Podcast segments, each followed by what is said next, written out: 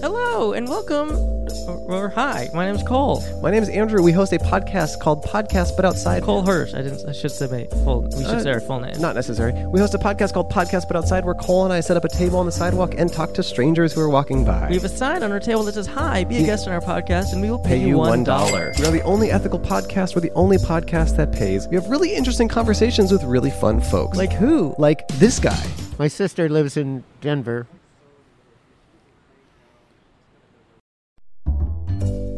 Oh, that was a, that was the whole thing. Yeah. You said really interesting conversation. Denver's a totally different city. That's interesting. If you don't live there, I guess. Do you have a better one? better what example? yes. Uh, yeah, I do actually. Play it. Okay. Do you want to be like Joe Biden them?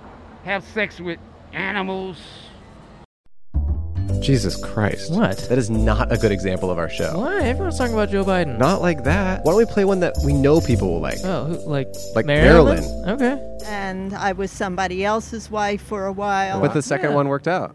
well, until he died. Oh, It I'm was sorry to hear that. It turned out he had a double life. Wow. What? What? What was the second life? He was a crack addict. What? Wait. How do And- you and hide it was that? a- Hold on. How do you hide? I don't. He was a nice old Jewish guy. How did he get addicted to crack?